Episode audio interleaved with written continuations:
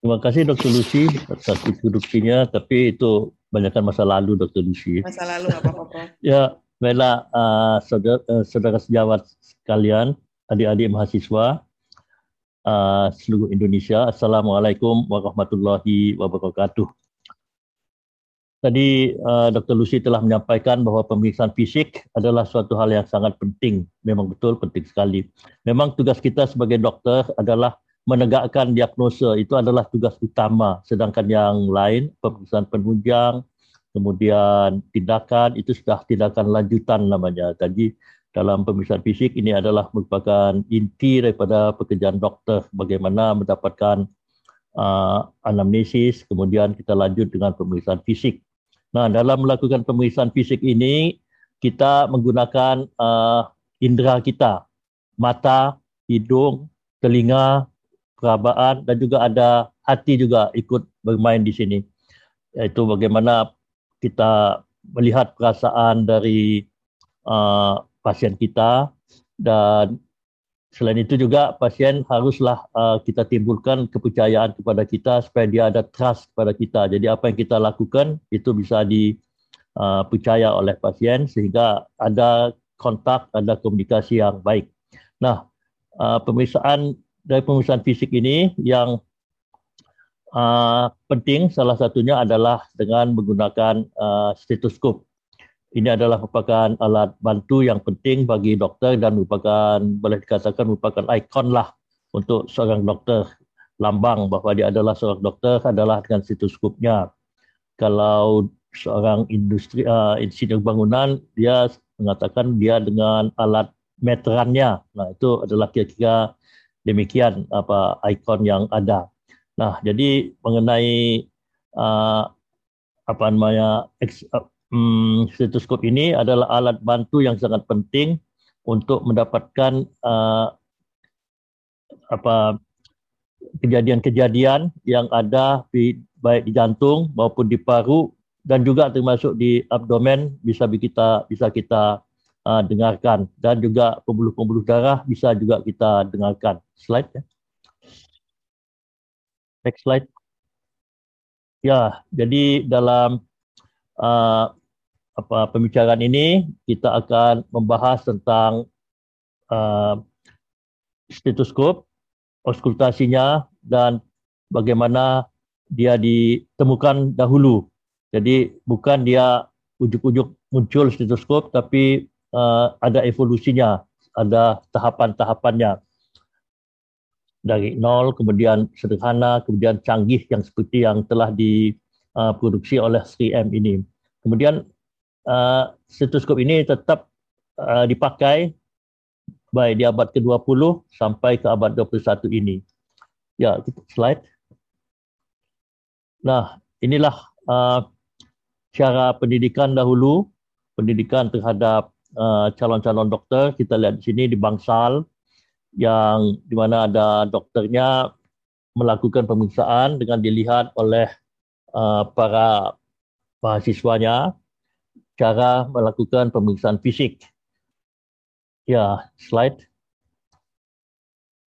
Ah, sekarang mulailah era dari stetoskop yang uh, yang merupakan pra dari bentuknya yang sekarang. Ini ada pasien, kita lihat ada seorang dokter diikuti oleh perawat dan juga ada asistennya di belakangnya melihat bagaimana cara doktor tersebut mendengarkan kelainan yang ada yang ditimbulkan oleh uh, tubuh pasien tersebut. Kita lihat dia meletakkan kupingnya, telinganya sedekat mungkin ke dinding dada untuk mendengar apakah ada kelainan-kelainan dari situ bisa terdengar mungkin bunyi napasnya seperti apakah ada ngik, seperti adakah bunyi uh, krosok-krosok gitu kerana ada gesekan antara cairan dengan jaringan paru misalnya. Nah dari situ bisa dia dengar. Tapi tentu saja itu uh, apa namanya akurasinya kurang bisa di uh, apa namanya di dikatakan bagus. Nah, Kemudian di tangan kirinya dokter ini mempunyai alat seperti tabung dan ini adalah bentuk dari uh, stetoskop zaman pra stetoskop. Jadi apa yang disebut dengan uh, aus, uh, auskultasi itu asalnya dari kata Latin auscultare mendengarkan dengan saksama. Jadi lihat uh, si dokter tadi mendengarkan dengan saksama dan kemudian uh, nantinya akan dibantu oleh stetoskop yang sangat sederhana ini. Nah, yang disebut sebagai immediate uh, immediate auscultation. Jadi sebelum era stetoskop yang kita kenal. Jadi kita telah lihat tadi dia menempelkan telinganya langsung ke dada pasien. Nah, jadi dia untuk mendengar apakah ada bunyi-bunyi yang dapat didengar oleh telinga kita yang dengan uh, nada-nada yang bisa terdengar. Tapi yang menjadi masalah tadi kurang akurat dan di sini masalahnya yang lain adalah uh, akurasi tadi akan tak bertambah tidak akurat apabila pasiennya itu sangat gemuk dan kita tahu bahawa di luar itu pasien-pasiennya banyak yang gemuk. Jadi sulit kalau untuk mendengarkan secara langsung karena ketutupan bunyinya oleh lapisan lemak yang ada di bawah kulitnya. Dan selain itu juga uh, mengenai moralitas, apabila ada seorang wanita kita melakukan demikian, tentu pandangan mata agak aneh gitu, agak beda. Jadi uh, apa namanya kurang pas lah, kurang cocok lah kalau hanya menempelkan telinga ke badan pasien. Slide. Nah, timbullah ide um, melakukan stetoskop. Tentu ide itu tidak mungkin langsung mendapatkan alat yang sebagus sekarang, yang secanggih sekarang. Tentu semuanya itu dimulai dari yang sederhana, sangat sederhana. Kemudian nanti sesuai dengan perkembangan zaman akan dikembangkan, akan diperhalus. Biasanya uh, di, lebih canggihnya adalah dia menjadi lebih kecil dan lebih praktis. Ini dalam bentuk apa pun, dalam bentuk penemuan apa pun adalah selalu demikian. Bentuknya lebih kecil, lebih canggih dan lebih banyak yang dapat dilakukan. Seperti telefon kita lihatkan sekarang menjadi smartphone dan banyak sekali yang bisa dilakukan dengan uh, smartphone kita. Nah, jadi stetoskop itu berasal dari kata stetos, ini dari bahasa Greek, ya, bahasa Yunani, artinya chest, dada, sedangkan scopein adalah artinya to examine. Jadi uh, stethoscope adalah to examine the chest, memeriksa uh, dada. Ya. Kemudian dijadikan satu, menjadilah stetoskop. Dengan stetoskop ini, bila dilakukan di dada, dia bisa memeriksa uh, suara paru dan jantung sehingga lebih uh, terdengar lebih jelas dan ini Monsieur Leonard ini uh, melakukan pemeriksaan dengan stetoskop yang berupa tabung dan dia bisa mendengarkan suara pantulan dari tubuh pasien tadi si anak ini dan pantulan itu adalah merupakan resonansi jadi ikutnya bergetar udara yang ada di dalam tabung tersebut yang berasal dari uh, getaran suara dari uh, tubuh pasien tadi. Jadi tubuh kita mengeluarkan suara, baik itu suara napas misalnya, yang kita kenal sebagai vesikuler sekarang, dan dia akan menggetarkan uh, udara yang berada di dalam uh, tabung, resonansi namanya, dan kemudian dia akan sampai ke telinga kita, dan dari telinga kita, kita sadar bahwa, oh ini adalah suara napas pasien. Ini adalah penemuan dari uh, Tuan Reni Theophile Jacinta Lainek orang Prancis ya uh, tahun 1781 sampai 1826 dan ditemukannya adalah sekitar di tahun 1816 jadi sekitar umur 35 tahun ya umur 35 tahun dia menemukan uh, oh lebih ya nggak tahu nggak tahu berapa persisnya uh, stetoskop yang dinamakan sebagai nama uh, beliau sendiri, Renek stetoskop. Yuk, slide. Berkat jasanya lah, maka kita bisa uh, melakukan pemeriksaan dengan auskultasi yang seperti kita lakukan sekarang ini. Jadi tujuannya adalah menentukan, menegakkan diagnosis. Jadi dengan auskultasi mendengarkan dada tadi memberikan informasi aspek klinis berbagai penyakit pada pulmonal dan kardiak. terutama ya pulmonal dan kardiak. Sebab di abdomen kita juga bisa mendengarkan bising usus misalnya, tapi hanya sedikit ususnya meningkat atau tidak gitu ya. Dan atau pada uh, pembuluh darah ada bui apakah tidak. Tapi dengan pulmonal dan kardiak banyak sekali yang bisa kita uh, telaah dari uh, penemuan di kedua organ tersebut. Jadi pencapaian yang didapatkan oleh uh, Monsieur Lanek ini adalah terminologi auskultasi yang berupa gales atau ronki yang kita kenal. Kemudian ada suara bronchoponi, jadi suara-suara yang dikeluarkan oleh uh, bronchus. Jadi uh, kasar bunyi suaranya, ya lebih kasar daripada yang kita kenal sebagai vesikuler.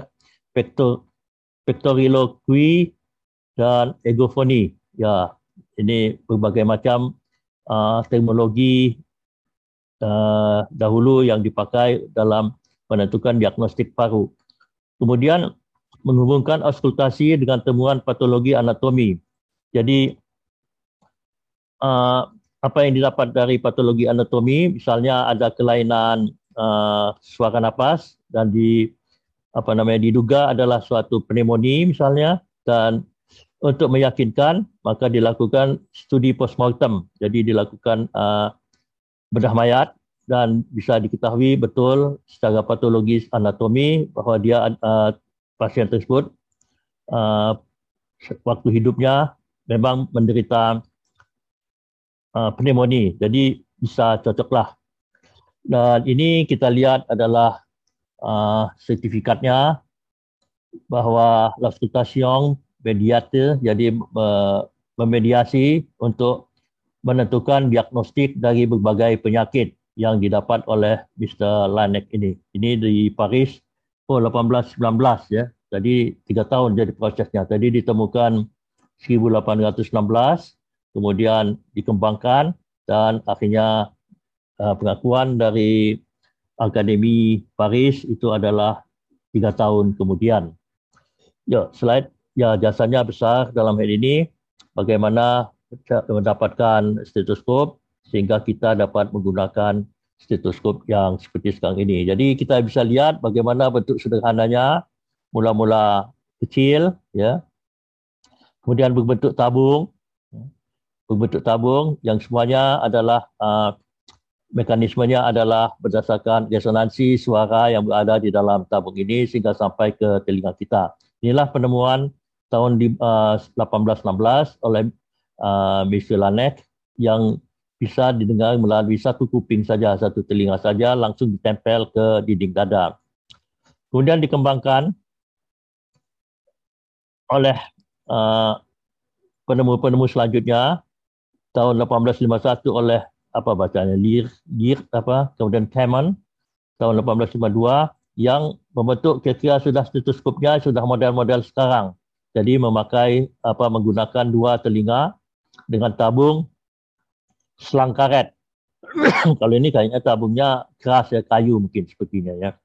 Jadi tapi saya rasa prinsipnya juga sama adalah resonansi dari suara yang ada di dalam tabung tersebut. Kemudian dan ini uh, tampaknya juga masih kosong, belum ada membran, jadi dia langsung ke apa tabung suara selang karet ini. Kemudian di tahun 63 David Littman ini uh, membuat stetoskop seperti yang kita lihat sebagai sekarang ini yang sangat terkenal ya uh, stetoskop Littman dan di sini kita lihat ada dua uh, dua apa namanya? Dua uh, headnya jadi ada yang membran uh, ada yang sungkup dan ada yang membran. Uh, yang membran sepertinya membran ini ini adalah yang sungkup. Ya tujuan daripada membran adalah untuk melihat untuk mendengarkan suara-suara yang uh, berfrekuensi tinggi sedangkan yang sungkup adalah untuk mendengarkan suara-suara yang uh, berfrekuensi rendah ya. Di bunyi jantung itu uh, ada di mana yang nadanya frekuensi tinggi, ada yang nadanya frekuensi rendah. Nah, sekarang berkembang. Saya sendiri belum punya ini elektronik stetoskop yang ada unsur elektronik elektroniknya ampli, uh, yang mengamplifikasi suara secara digital. Jadi tampaknya suaranya diperjelas ya, diper, di, di, di, lebih dikencang, lebih diperkuat sehingga kita mendengarnya uh, lebih jelas. Ini juga saya rasa dari 3M juga ya yang uh, memproduksi. Ya, jadi banyak sekali apa kemajuan dalam uh, memproduksi uh, stetoskop ini yang dimulai dari yang sangat sederhana sekarang sudah begitu canggihnya. Ya, slide. Nah, inilah yang kita dapatkan uh, sejak lama penggunaan stetoskop ya. Saya rasa ya kita hidup tadinya di abad ke-20 ya. Ya jadi uh, dari abad ke-20 ya generasi saya sudah menjalani ini dan sekarang berlanjut kepada uh, abad yang ke-21 dan tetap menggunakan uh, stetoskop seperti yang kita lihat seperti ini. Dan ini uh, ya kita lihat adalah uh, produksinya 3M yaitu Litman yang banyak dipakai di seluruh dunia. Uh, sekarang pertanyaannya kenapa kok masih pakai stetoskop? Ya itu tadi karena dengan alat ini kita bisa mendengarkan lebih jelas suara-suara yang dihasilkan oleh paru dan uh, jantung. Ya, slide. Nah, ini adalah salah satu contoh uh, bagaimana apa perlunya bagaimana di, uh, dilanjutkannya pendidikan mengenai uh, pemeriksaan dengan menggunakan uh, stetoskop untuk melakukan auskultasi. Jadi ini adalah salah satu uh, episod, salah satu saudara-saudara sekalian, tibalah kita ya. pada bagian Ya, ini jadi adalah satu video yang video pendidikan pada jantung uh, fase uh, mahasiswa. Ya, silakan dimulai. Melakukan pemeriksaan auskultasi ini kita memerlukan Nggak bisa diulang, alat ya. bantu yaitu status.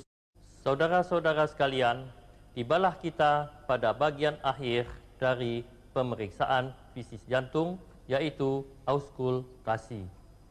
Untuk melakukan pemeriksaan auskultasi ini, kita memerlukan alat bantu yaitu stetoskop. Stetoskop ini mempunyai dua jenis pendengar yaitu sungkup untuk mendengarkan bunyi-bunyi dengan nada rendah misalnya bunyi jantung ketiga Kemudian tipe membran untuk mendengarkan bunyi-bunyi dengan nada tinggi, misalnya bunyi jantung satu, dua, ataupun opening snap dan lainnya. Ya, itu adalah uh, cuplikan dari uh, video pemeriksaan fisik jantung dari ilmu penyakit dalam uh, FKU ya GSM yang dibuat di akhir tahun 1980-an dan sampai sekarang pun masih uh, dipakai malah dijadikan apa namanya pegangan untuk uh, apa namanya pendidikan oski mahasiswa dan lain-lain.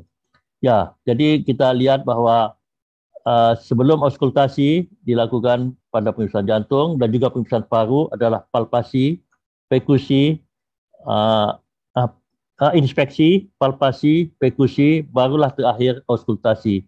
Ini semuanya uh, siogianya dilakukan baik pada pemeriksaan paru, jantung dan juga organ-organ lain seperti abdomen juga demikian. Jadi dengan demikian kita dapat bisa uh, mendapatkan suatu gambaran bagaimana keadaan uh, organ tersebut dan malahan diagnosa pun sudah bisa ditegakkan dengan uh, melengkapi komponen-komponen pemeriksaan tadi dari inspeksi, palpasi, perkusi dan auskultasi. Slide.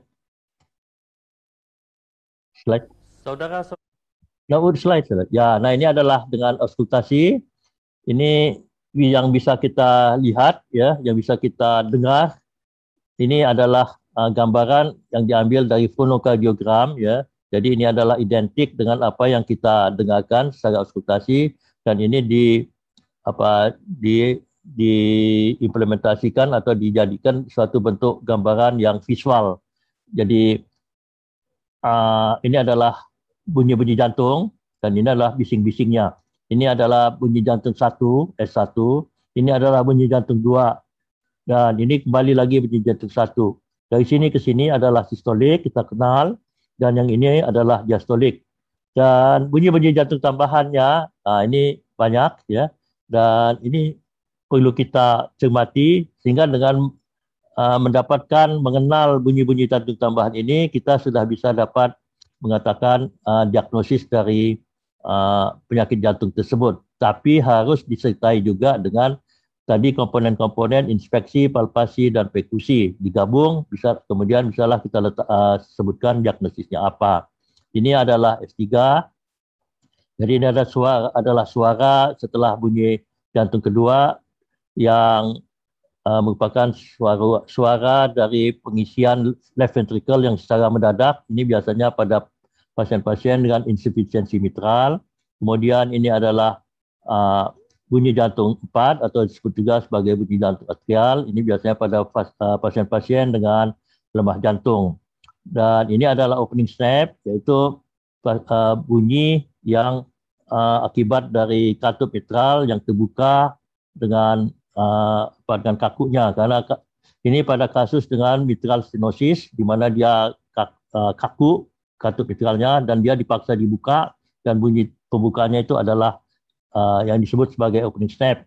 Ini merupakan suara jantung yang uh, hard uh, apa uh, frekuensinya tinggi, sedangkan S3 adalah uh, frekuensi rendah. Kalau jarak OS ini opening snap lebih jauh dari S2, maka itu artinya lebih uh, parah, lebih jelek uh, keadaan MS-nya. Jadi dari situ bisa kita uh, duga penyakitnya apa. Dan kemudian uh, split S2. Jadi S2-nya ini uh, terpisah seperti kembar. Suaranya lebih kurang sama frekuensinya dan ini biasanya terdapat pada ASD. Jadi ada perbedaan penutupan dari katup tricuspidal, uh, uh, katup aorta dan katup uh, pulmonal. Jadi ada beda waktu sedikit karena pembesaran dari right ventricle misalnya dan dia uh, akan terjadi beda waktu sehingga kita dengar sebagai split S2. Jadi kalau Anda mendengar split S2, kemudian Anda boleh curiga kepada uh, ASD misalnya. Tentu diikuti dengan kelainan lain seperti bising. Nah, jadi ini adalah gambaran dari bunyi-bunyi jantung dan ini uh, dengan bunyi jantung tambahannya. Ini yang perlu dicermati, uh, perlu dipelajari. Kemudian kita berlanjut dengan uh, bisingnya. Jadi ini kembali dengan uh, bunyi jantung satu, bunyi jantung dua, kemudian uh, balik lagi ke bunyi jantung satu. Jadi ini fase sistolik, ini adalah fase diastolik, di mana diastolik lebih panjang daripada fase sistolik. Tentu dalam uh, pemeriksaan uh, auskultasi, Anda mesti menentukan dahulu mana yang bunyi jantung satu, mana bunyi jantung dua, dengan ikut meraba dengan meraba uh, pulsus radial atau dengan pulsus karotis atau iktus kognisnya juga. Dari situ Anda tentukan mana yang satu, mana yang dua. Dan kemudian Anda lihat uh, bisingnya. Tapi Anda mesti uh, tahu dulu, tentukan dulu di mana Anda meletakkan stetoskop, di mana fungsi-fungsinya, uh, di mana posisi-posisinya. Sehingga kalau Anda mendapatkan posisi di misal di aorta ni, posisi di SI2 selah iga 2 kanan, maka anda dan kemudian anda dapatkan suatu bentuk atau anda dengarkan suara seperti ini maka ini adalah aortic stenosis. Ah, kalau anda letakkan di mitral pada fase sistolik anda mendapatkan uh, mengemang seperti ini ini artinya anda mendapatkan insufisiensi mitral. Kalau pada uh, mitral juga tapi terdengar bunyi kasar, rumble biasanya disebut, ini adalah mitral stenosis. Dan pada aorta, titik aorta Anda letakkan stetoskop, Anda dapatkan di diastolik, ada fase diastoliknya ada uh, gambaran seperti ini atau bunyi seperti ini, maka itu adalah merupakan AI, aortic regurgitation. Dan ini adalah uh, bunyi uh, sistolik pada uh, sela iga 3 di septal dan Anda jadikan di sini satu dan dilihat apakah ini mendukung tidak untuk satu ASD atau VSD. Ya inilah jadi anda mesti letak tahu kan tempatnya di mana dan anda perhatikan di mana uh, bagaimana bunyi jenis bunyi dari uh, kelainan tadi. Dan dengan demikian digabung dengan ini, digabung dengan ini, Anda sudah bisa mengira-ngira uh, apakah ini suatu kelainan katup yang mana dan kelainan katup apa. Jadi demikian uh, apa namanya kemungkinan diagnosisnya ditambah lagi apabila Anda menggabungkan dan pemeriksaan perkusi, palpasi dan inspeksi tadi. Jadi banyak sekali yang sudah dapat didapatkan uh, apa namanya keuntungannya sehingga dapat diletakkan, uh, ditegakkan diagnosis. Selain bunyi jantung dan bising, juga dilihat irama jantungnya, keteraturannya. Apakah dia teratur ataukah tidak teratur. Apakah ada bunyi jantung ekstrasistol ataukah tidak. Dari dari uh, auskultasi Anda bisa menentukan. Ya, itulah uh, peran daripada stetoskop untuk melakukan auskultasi, mendapatkan gambaran yang demikian dan kira-kira ya boleh katakan 90% bisalah menegakkan diagnosis uh, kelainan katup ataupun kelainan uh, irama ataupun kelainan yang lain. Slide ya. Jadi mengapa tetap dipergunakan uh, mengapa tetap dipergunakan stetoskop di abad ke-21 ini? Ya tadi kita bisa lihat jawabannya bahwa dengan alat stetoskop kita bisa mendengarkan auskultasi tadi untuk menentukan kelainan-kelainannya sehingga kita dapat uh, mencoba mengusahakan menegakkan diagnosis yang uh, yang secepat mungkin kira begitu. Dan jadi di sini ditulis auskultasi is an important, penting, cost efektif, jadi murah ya. Cuma menggunakan stetoskop saja. Kemudian kita bisa uh, menduga diagnosis widespread approach to preliminary clinical evaluation. Nah, jadi ini tindak awal jangan ini jadi sangat efektif dan sangat penting dan bisa dimanfaatkan.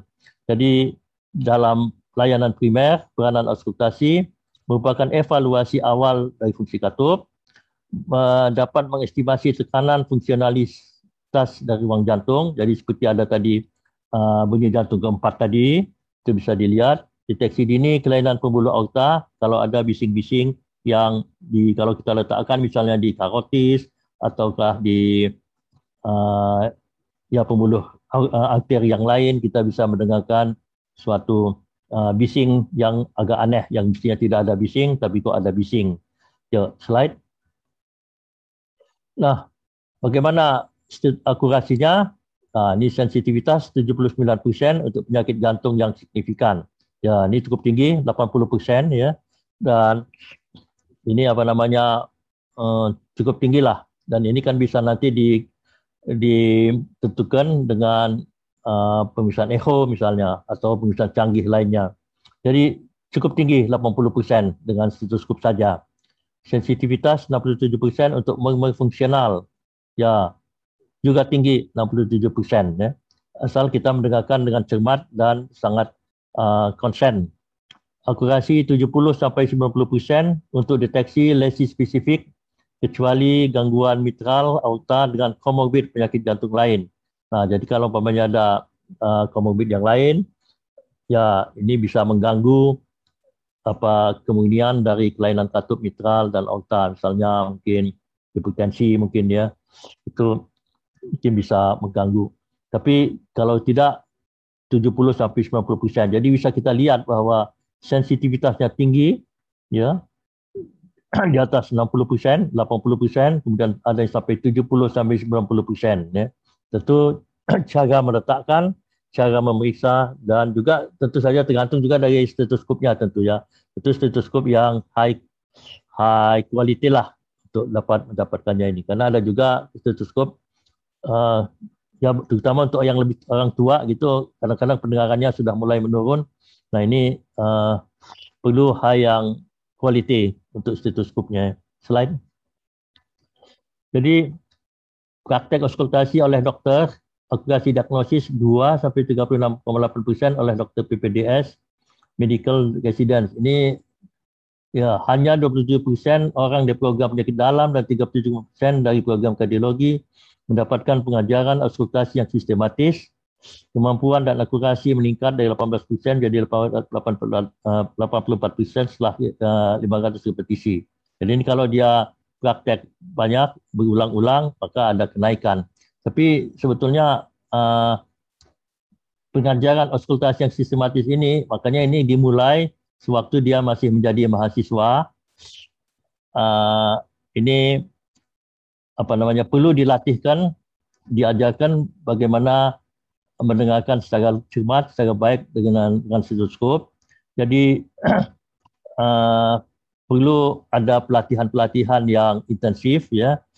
Dan misalnya dengan mendengarkan audio uh, untuk para mahasiswa dan oleh karena itulah mulai tahun 2005 kemarin di seluruh Indonesia dengan uh, apa namanya program pembaharuan pendidikannya belum berbasis kompetensi meningkatkan apa namanya pendidikan mengenai pelatihan ini dengan uh, mendirikan skill lab di seluruh fakultas kedokteran yang ada di Indonesia. Ya mudah-mudahan semua FK di Indonesia sudah memiliki semua, sudah melakukan semua pelatihan di skill lab yang uh, terutama adalah untuk uh, meningkatkan peningkatan pelatihan uh, pemeriksaan fisik termasuk di dalamnya adalah auskultasi ini. Jadi saya rasa uh, kalau dilakukan kalau pamannya berjalan baik dan lancar, ang, mungkin angka ini mungkin uh, jauh lebih tinggi daripada angka-angka ini mungkin ya.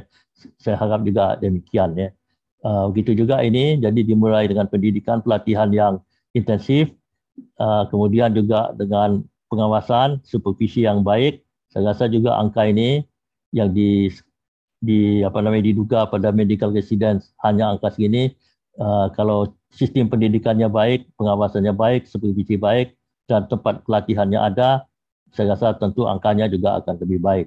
Uh, saya rasa uh, tetap kita menggunakan stetoskop ini, walaupun 22nd century pun tetap uh, akan lebih uh, ada manfaatnya dan dengan pelatihan yang baik dia pasti akan uh, mendapatkan hasil yang baik juga. Jadi perlu pendidikan, pelatihan yang uh, baik uh, dan adanya skill lab yang baik.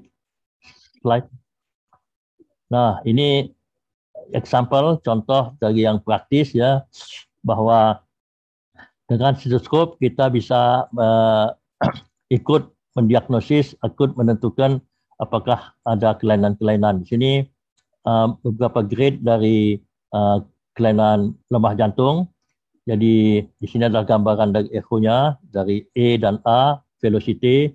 Dan ini adalah gambaran dari uh, ventricle. Ini gambaran dari atriumnya. Dan dia di sini menunjukkan uh, tingginya tekanan atrium. Dan ini menunjukkan uh, kecepatan dari uh, E dan A-nya. Dan di sini uh, jadi ini left-nya uh, pressure dan ini adalah status klinis dari NIHA dari lemah jantungnya 1 sampai 4. Nah, di sini bisa kita lihat kalau dia ada uh, bunyi jantung keempat tadi, ini menunjukkan ada kelainan ini, ada atriumnya meningkat, ya, abnormal galactification, dan bisa kita dengar adanya S4, kemudian adanya S3, kalau dia ada restriksi, ada gangguan dari pengisian uh, volume uh, pengisian volume ke uh, darah ke dalam left ventricle dan ini yang lebih beratnya lagi. Ya, slide.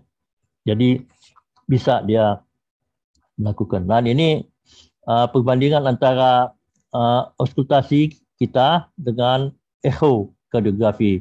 Dengan pada kasus-kasus uh, katup ini, MS, MR, AS, AR dan sebagainya, kita bisa lihat di sini. Dan ini adalah jumlah pasiennya. Dan ini adalah miss on clinical examination karena kita tahu kadang-kadang telinga orang agak beda-beda sedikit. Apalagi kalau uh, bunyinya bisingnya itu antara tiada dan iya dan itu kadang-kadang menimbulkan ya perdebatan lah. Dan ya mungkin disebut miss. Kemudian kadang ada juga mungkin telinganya terlalu tajam sehingga menyebabkan overdiagnose padahal tidak ada apa-apa.